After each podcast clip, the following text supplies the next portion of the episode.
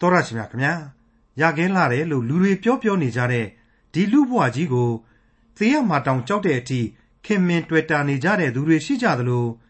ဒီလောကလူရွာကဘာကြီးကနေချက်ချင်းကိုစွန့်ခွာခြင်းတွာလောက်အောင်လူဘွားဆိုတာအတိတ်ပဲမဲ့နေကြတဲ့သူတွေလည်းအများကြီးရှိကြပါတယ်နောက်ဆုံးဘယ်လောက်ထိကောက်ချက်ချသလဲဆိုတော့သေလွန်ပြီးသောလူသေးသည် အသက်ရှင်သေးသောလူရှင်ထက်တာ၍မင်္ဂလာရှိ၏လို့ပြောတဲ့အထိပါပဲ ဒီကဘာပေါ်မှာ အသက်ရှင်နေကြပြီး တကိုးအာနာကြီးထွားလို့ ဖုံးမိနေလ တောက်ပစဉ်အချိန်အခါမှာ အခြားသူတွေအပေါ် ညှဉ်းပန်းနှိပ်စက်မှုဒဏ်ဟာ ဘယ်လောက်ပြင်းထန်တယ်လဲဆိုတာကို အထင်ရှား တွေ့မြင်နိုင်ပါတယ်။ရကင်းလာတဲ့ လူဘဝမှာ မနေခြင်းတော့လောက်အောင် ဖြစ်ကြပါတယ်။ဆုံးမခြင်းကိုမခံ အသက်ကြီး၍မိုက်တော်ရှင်ဘရင်တဲ့ပညာရှိသော ဆင်းရဲသားသူငယ်သည်တာ၍မြတ်၏ဆိုတဲ့ ကောက်ချက်ကို ဒီကနေ့ သင်သိရသောတမန်ကျမ်းအစီအစဉ်မှာ လေ့လာမှာဖြစ်တဲ့ခရိယန်တမန်ကျမ်းရဲ့ဓမ္မဟောင်းကျမ်းပိုင်းတွေကဒေသနာကျမ်းအခန်းကြီး၄မှာတွေ့ရမှာဖြစ်ပါတယ်။နေအောင်အောက်မှာရှိရှိသမျှအရာတွေဟာအနတ္တပါလားလို့ခါတိလာတဲ့ဘဝအတွေ့အကြုံရှိသူတယောက်ရဲ့ရင်ထဲအထိမချိအောင်နံလွန်းလာတဲ့အမြင်တွေသာဖြစ်တဲ့အကြောင်းဒေသနာကျမ်းအခန်းကြီး၄ကိုဒေါက်တာထွန်းမြတ်အေးကအခုလိုသုံးသပ်ရှင်းလင်းမှာဖြစ်ပါတယ်။သင်သိရသောသမာကျမ်းကိုအချိန်မှန်နားဆင်နေကြတဲ့မိတ်ဆွေအပေါင်းတို့ မိษွေတို့အဖို့အခုကျွန်တော်တို့တင်ပြနေတဲ့ဒေသနာကျမ်းသင်ခန်းစာတွေဟာအလွန်ကောင်းမြတ်တဲ့ဝိညာဏအမြင်တွေကိုရှောလမုန်မင်းကြီးရဲ့မြင်မြင်သမျှအနတ္တကံစီမန်သည့်အတိုင်းသာဖြစ်ရသောလူဘဝအစိုးအမြင်အယူအဆတွေကြားကနေပြီးတော့ခန်းစားထိတွေ့နားလည်စေလိမ့်မယ်လို့ကျွန်တော်ခံယူမိပါတယ်။ဒါဟာရှောလမုန်မင်းကြီးရဲ့အနတ္တဝါဒကိုမှကျွန်တော်ကပြန်လဲဆင်ခြင်သုံးသပ်ခြင်းအပြင် ဘုရားသခင်ရဲ့တန်ရှင်းသောဝိညာဉ်တော်ဟာကျွန်တော်ကိုတွင်တင်သွားရင်အဲ့ဒီအတိုင်းပဲဝိညာဉ်ခွန်အားရယူနိုင်တယ်ဒီကနေ့ဒီဒေသနာသင်ခန်းစာကတော့အခန်းကြီး၄ကိုရောက်ရှိလာပါပြီပြီးခဲ့တဲ့အခန်းကြီး၃မှာတော့ကဆိုရင်လေကျွန်တော်ကသင်ခန်းစာအဆုံးပိုင်းမှာအစိုးမြင်အယူအဆရေအစိုးမြင်ဝါဒလို့ခေါ်တဲ့ pessimism နဲ့တွန်းတွဲနေတဲ့ငါဒီဟုသောမာမနာဝါဒ egotism ရဲ့နဲ့ရှောလမုန်တယောက်ဟာဖြင့် အနတ္တတရားကြီးကိုဖော်ကျူးခဲ့လေရဲ့ဆိုတာကိုတင်ပြခဲ့ပြီးဖြစ်ပါတယ်မိษွေတို့လည်းနားလည်သဘောပေါက်ကြပါလိမ့်မယ်ဟုတ်ပါတယ်အဲ့ဒီအခန်းကြီး3ရဲ့အငယ်30ကနေအငယ်18ကနေ22အထိကိုပြန်ပြီးတော့သုံးသပ်လိုက်မယ်ဆိုရင်တော့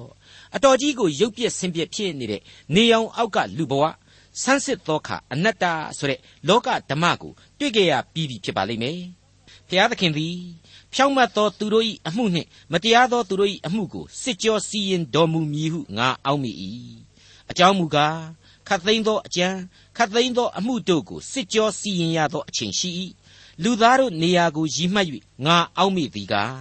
လူတို့ကိုဘုရားသခင်စုံစမ်းတော်မူမည်အကြောင်းနှင့်သူတို့သည်တိရစ္ဆာန်ကဲ့သို့ဖြစ်သည်ကိုသူတို့သိမြင်မည်အကြောင်းနေရာကျသည်လူသားတွေ့ကြုံသောအမှုကိုတိရစ္ဆာန်တွေ့ကြုံတတ်၏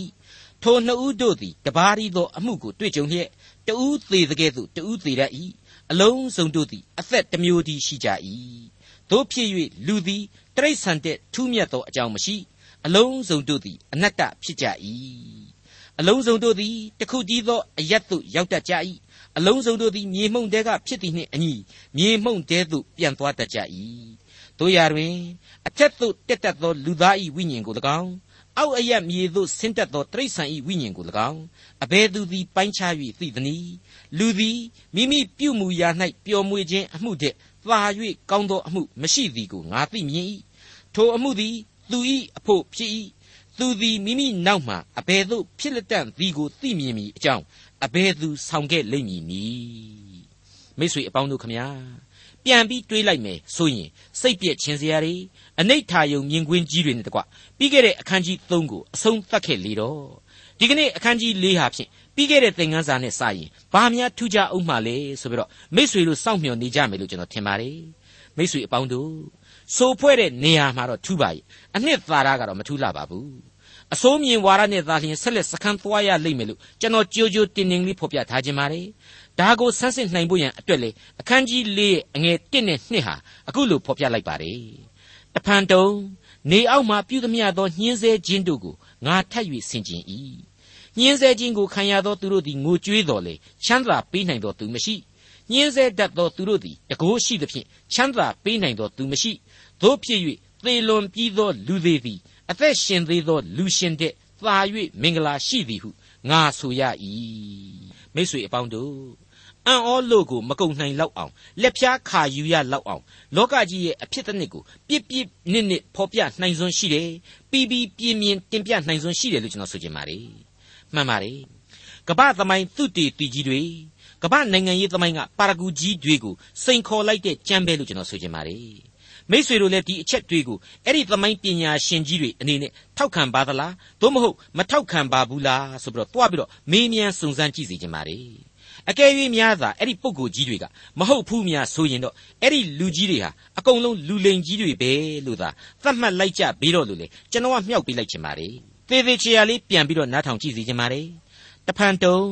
နေအောက်မှပြုသမျှသောညှင်းဆဲခြင်းတို့ကိုငါထပ်၍ဆင်ခြင်၏ညှင်းဆဲခြင်းကိုခံရသောသူတို့သည်ငိုကြွေးတော်လေချမ်းသာပေးနိုင်သောသူမရှိညှင်းဆဲတတ်သောသူတို့သည်တကိုးရှိသဖြင့်ချမ်းသာပေးနိုင်သောသူမရှိတို့ဖြစ်၍ သေလွန်ပြီးသောလူသေးသည်အသက်ရှင်သေးသောလူရှင်တဲ့သာ၍မင်္ဂလာရှိသည်ဟုငါဆိုရ၏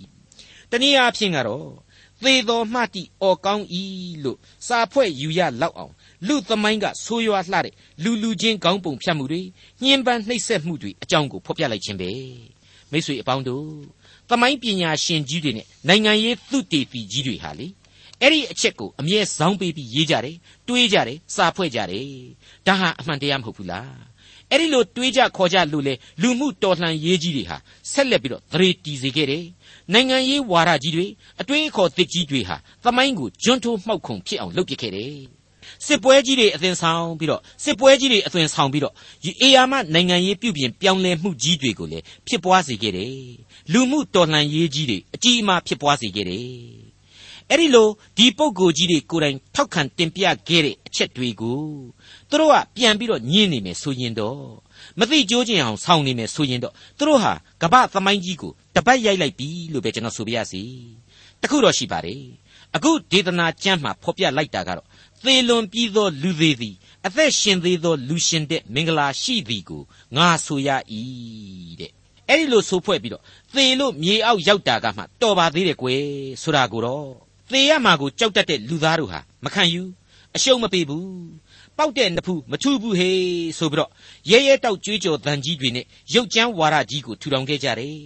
ငါတို့ကိုနှိပ်စက်တဲ့အရင်ရှင်ကြီးတွေကိုငါတို့ကအားပြိုင်မယ်သင်တို့အရင်ရှင်ကြီးတွေကိုအရင်ရှင်းမယ်ဆိုပြီးတော့ကြောက်မဲ့ဖွယ်သောလက်ဝဲတော်လှန်ရေးကြီးလုပ်ခဲ့ကြတယ်နောက်ဆုံးကျတော့ကို့အချင်းချင်းတဲမှာတောက်မှချမ်းသာမပေးတော့ဘဲနဲ့အဖေကိုအဖေမှန်းမသိပြန်သက်ပညာရဆိုရင်လည်းပညာတတ်ဉာဏ်ရှိတဲ့ကောင် ဥစ္စာပစ္စည်းရှိပြီဆိုရင်လေဘူးစွာဆိုတဲ့နာမည်တွေသမုတ်ပြီးတော့သွေးချောင်းစီးတဲ့အထိဖြစ်ကုန်ခဲ့ကြတယ်အဲ့ဒီတော့သေတော်မှတ်တိအော်ကောင်းဤပုံစံမျိုးတော့မဟုတ်ဘူးပုံစံပြောင်းလဲမှုတော့ရှိခဲ့တယ်လို့ကျွန်တော်ဆိုချင်ပါတယ်ဘယ်လိုပဲပြောပြောပါအဲ့ဒီလိုရုပ်ပြက်ဆင်းပြက်ဖြစ်ခဲ့ရတဲ့အနီရောင်သမိုင်းသွေးတဲ့တန်ယူသမိုင်းဟာကျွန်တော်မြင်ခဲ့ရတဲ့ဒေသနာကျမ်းကအဆိုးမြင်ဝါရကြောင့်ပဲဆိုတာကိုတော့ဘယ်သမိုင်းသူတည်တည်ဘယ်ပညာရှင်ကမှမငင်းနိုင်ဘူးဆိုတာကိုကျွန်တော်အခိုင်အမာဆွဆွဲလိုက်ပါတယ် ဒေသနာကျမ်းအခန်းကြီး၄အငယ်၃တို့ရာတွင်တခါမျှမဖြစ်ဖူးသေးသောသူနေအောက်မှဒုစရိုက်ကိုမမြင်သေးသောသူသည်ထိုနှစ်ဦးတည်းသာ၍မင်္ဂလာရှိ၏မိတ်ဆွေအပေါင်းတို့ခမညာအစွန်းရောက်လက်ဆရှိနေတဲ့အဆိုးမြင်ဝါဒကြီးဟာအဲ့ဒီအစွန်းကနေပြီးတော့အောက်ကိုဘုံကနေကျသွားတဲ့အထိအစွန်းရောက်ဘောင်ကိုကြော်သွားပြီလို့တောင်မှကျွန်တော်ဆိုချင်ပါတယ်လူသားဟာမွေးမလာရင်တောင်အကောင်းဆုံးလူဖြစ်မလာရင်အကောင်းဆုံး စောစောကဖော်ပြခဲ့တဲ့ဖိနှိပ်တော်သူနဲ့အဖိနှိပ်ခံရလို့သေခြင်းတဲ့လူတွေတဲ့သာ၍မြတ်တယ်ရည်စရာကြီးဖြစ်မနေဘူးလားနေအောင်အောက်ကတစ္ဆာတရားကြီးအရာဒီလောက်အထိတရားမမျှတတဲ့လောကကြီးမှာမွေးမလာရင်ပို့ပြီးတော့ကောင်းတယ်လို့ရှောလမုန်ဆိုတယ်အဲ့ဒီတရားမမျှတမှုကိုခံစားနေရတဲ့အောက်တန်းစွာလူဒန်းစားဆင်းရဲသားလူဒန်းစားဟာသာလျှင်အများဆုံးလူသားတွေကိုနောက်ထပ်မွေးဖွားပေးနေတဲ့ဆိုတဲ့အချက်ကြီးကိုသူမေ့ချန်ထားရခဲ့တယ် မိမောင်းထိုးမပြနိုင်ပဲဖြစ်နေခဲ့တယ်ဒေသနာကျမ်းအခန်းကြီး၄အငယ်၄နဲ့၅တဖန်စ조사အားထုတ်ခြင်းအမှုနှင့်ကောင်းမွန်စွာပြီးစီးသောအမှုအလုံးစုံတို့ကို၎င်းထိုသို့သောအမှုတို့ကြောင့်သူတစ်ပါးညူစုကြောင်းကို၎င်းငါဆင်ကျင်၏ထိုအမှုအရာသည်အနတ္တအမှုလေကိုကျက်စားသောအမှုဖြစ်၏မိုက်သောသူသည်မိမိလက်ချင်းပိုက်ထား၍မိမိအသားကိုစားရ၏မိတ်ဆွေအပေါင်းတို့ခမညာ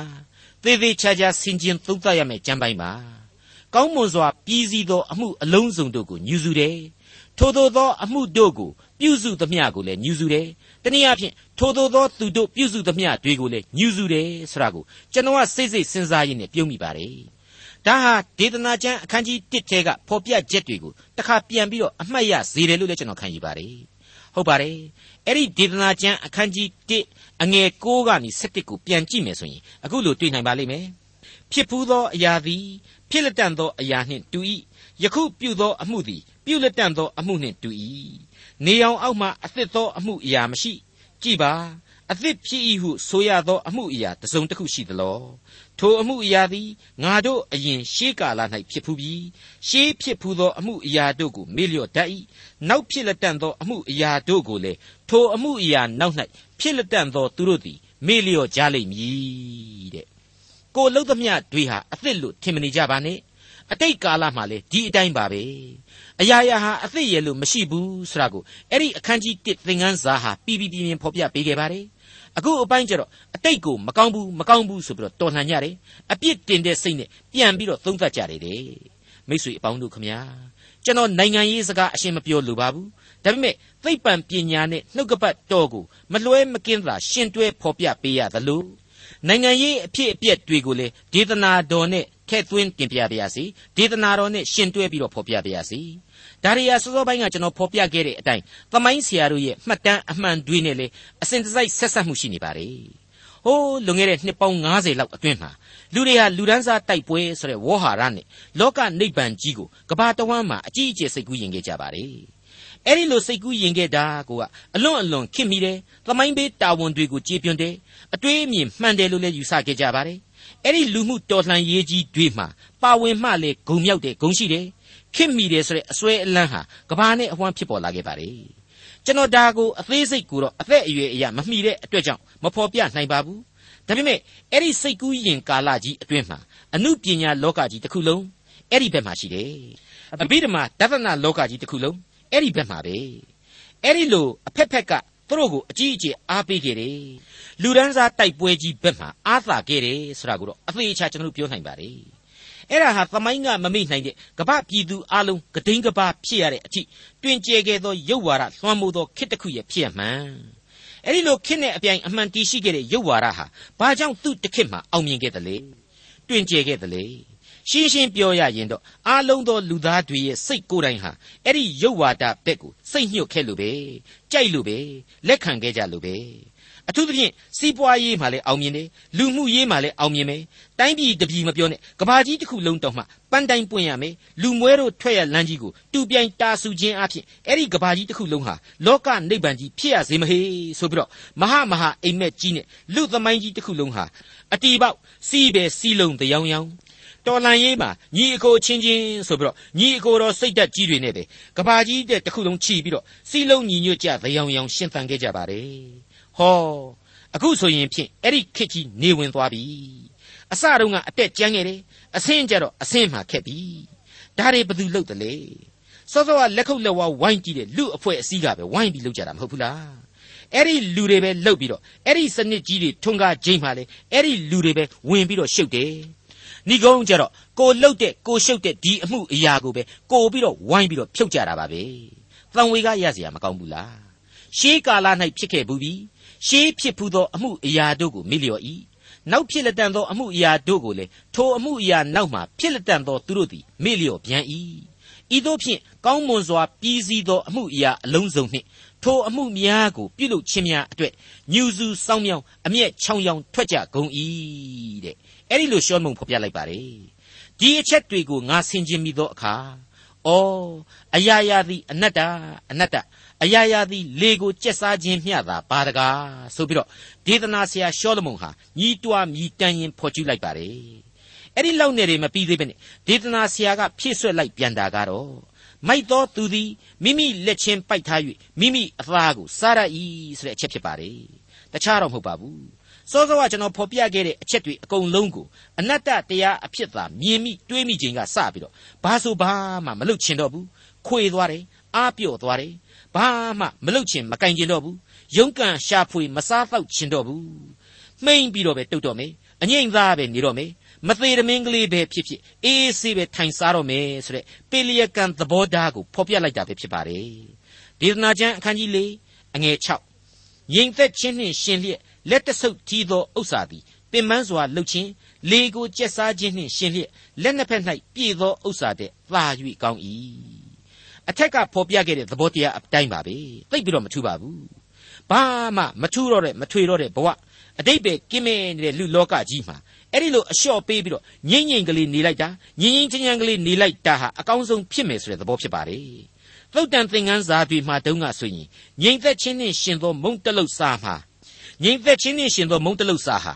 ရန်တွေးတဲ့စိတ်နဲ့စားရတဲ့ရစ်ပူဇော်ပွဲကြီးတဲ့ပို့ပြီးတော့ကောင်းတယ်ပို့ပြီးတော့မုံမြတ်ပါတယ်ဆိုတဲ့အဆုံးအမကိုရှောလမုန်မင်းကြီးစီကပဲကျွန်တော်တို့ကြားနာခဲ့ရပါတယ်အခုအပိုင်းကတော့အဆုံးအမမဟုတ်တော့ဘူးအရှုံးပေးစိတ်ဓာတ်ကိုသာသင်ပေးလိုက်တယ်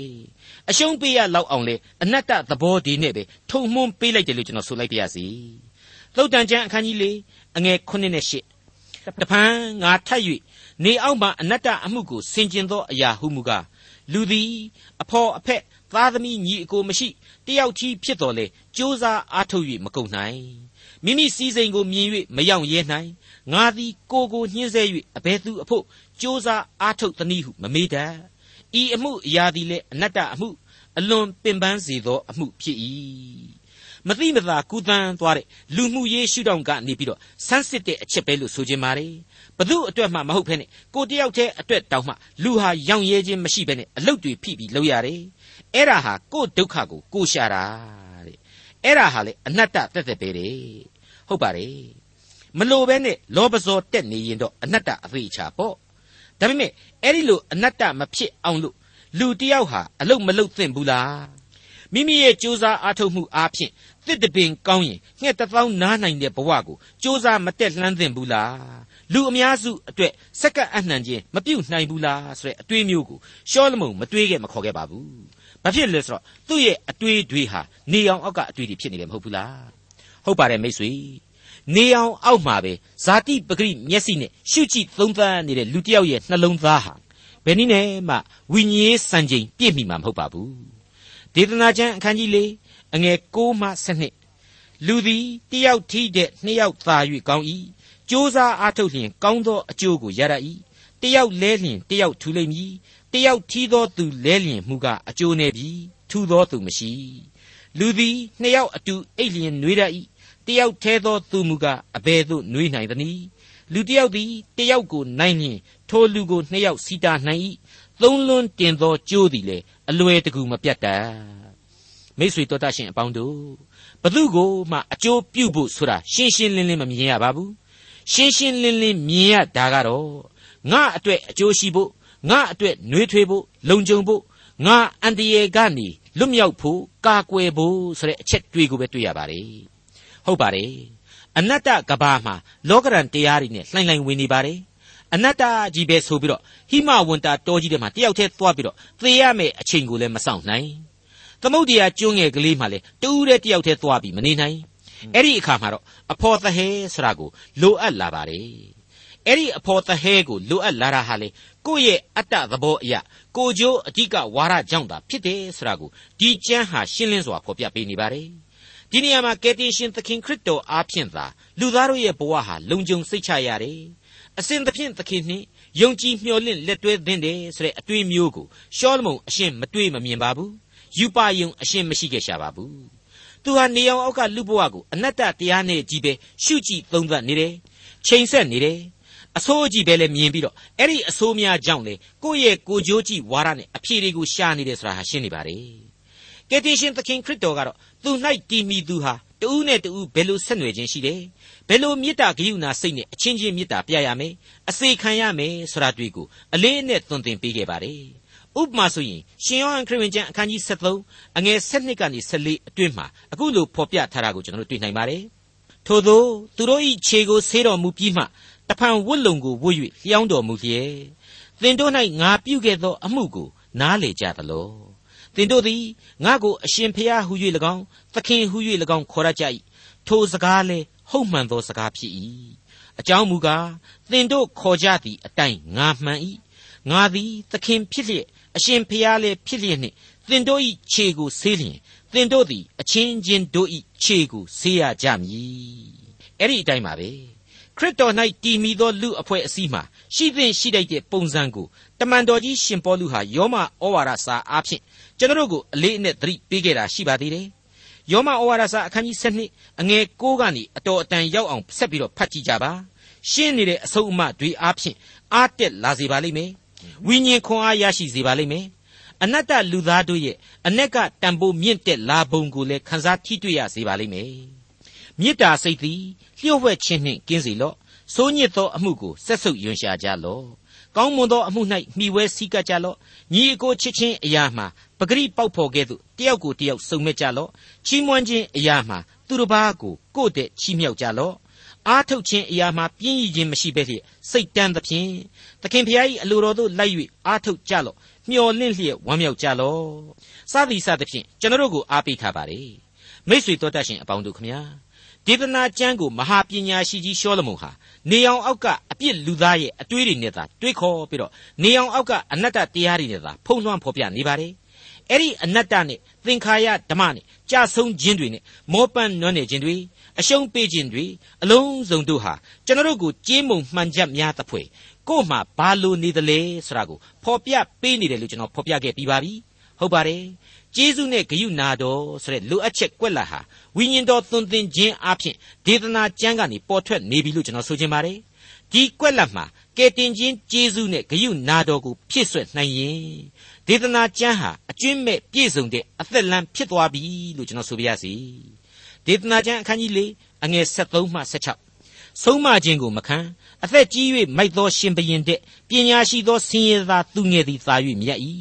ထိုသို့သောသူငယ်သည်ထောင်ထဲကထွက်၍နန်းတော်ဘော်သို့ရောက်တတ်၏ထိုသို့သောရှင်ဘရင်မူကားအဖအရိပ်အရာနှင့်နန်းထိုင်တော်လေဆင်းရဲခြင်းသို့ရောက်တတ်၏နေအောက်မှကျင်လေသောတတ္တဝါအပေါင်းတို့သည်မင်းအရိပ်အရာကိုခံရသောထိုဒုတိယသူဘက်၌နေရကြသည်ကိုငါဆင်ခြင်၏ ထိုမင်းအုပ်ဆိုးသောသူအပေါင်းတို့သည်ရေတွက်၍မကုန်နိုင်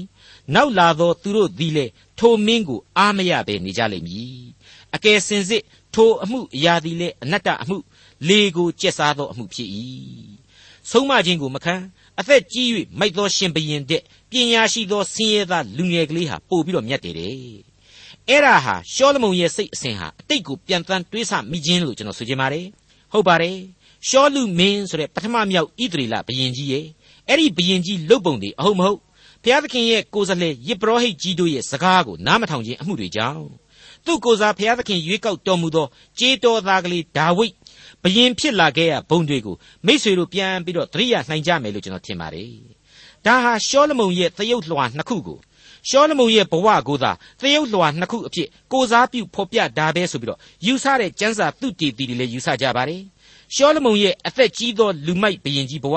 နှစ်ပညာတော့ရှိပါရဲ့ဆင်းရဲသားလူငယ်ကလေးဆိုပြီးတော့သူ့ကိုယ်ကိုသူတင်စားဖော်ပြတဲ့ငယ်ရွယ်သောမင်းသားကလေးဘဝဆိုပြီးတော့ဖော်ပြတဲ့သူတည်တည်တွေကလည်းဖော်ပြကြပါတယ်ကျွန်တော်တို့သင်သိရသောတမန်ကျန်အဖွဲ့ကတော့အဲ့ဒီသမိုင်းဆိုင်ရာအထောက်အထားတွေအယူအဆတွေကိုအဓိကမထားပါဘူးဒေသနာကျမ်းဤဆိုလိုရင်းဖြစ်တဲ့အနတ္တဝါဒနဲ့အနတ္တဝါဒကိုဝိုင်းဝန်းပြုစုလိုက်သောဖော်ပြချက်များအဖြစ်ပဲဒီကျမ်းဖော်ပြချက်တွေကိုစုစည်းလက်ခံကြပါ रे မိတ်ဆွေအပေါင်းတို့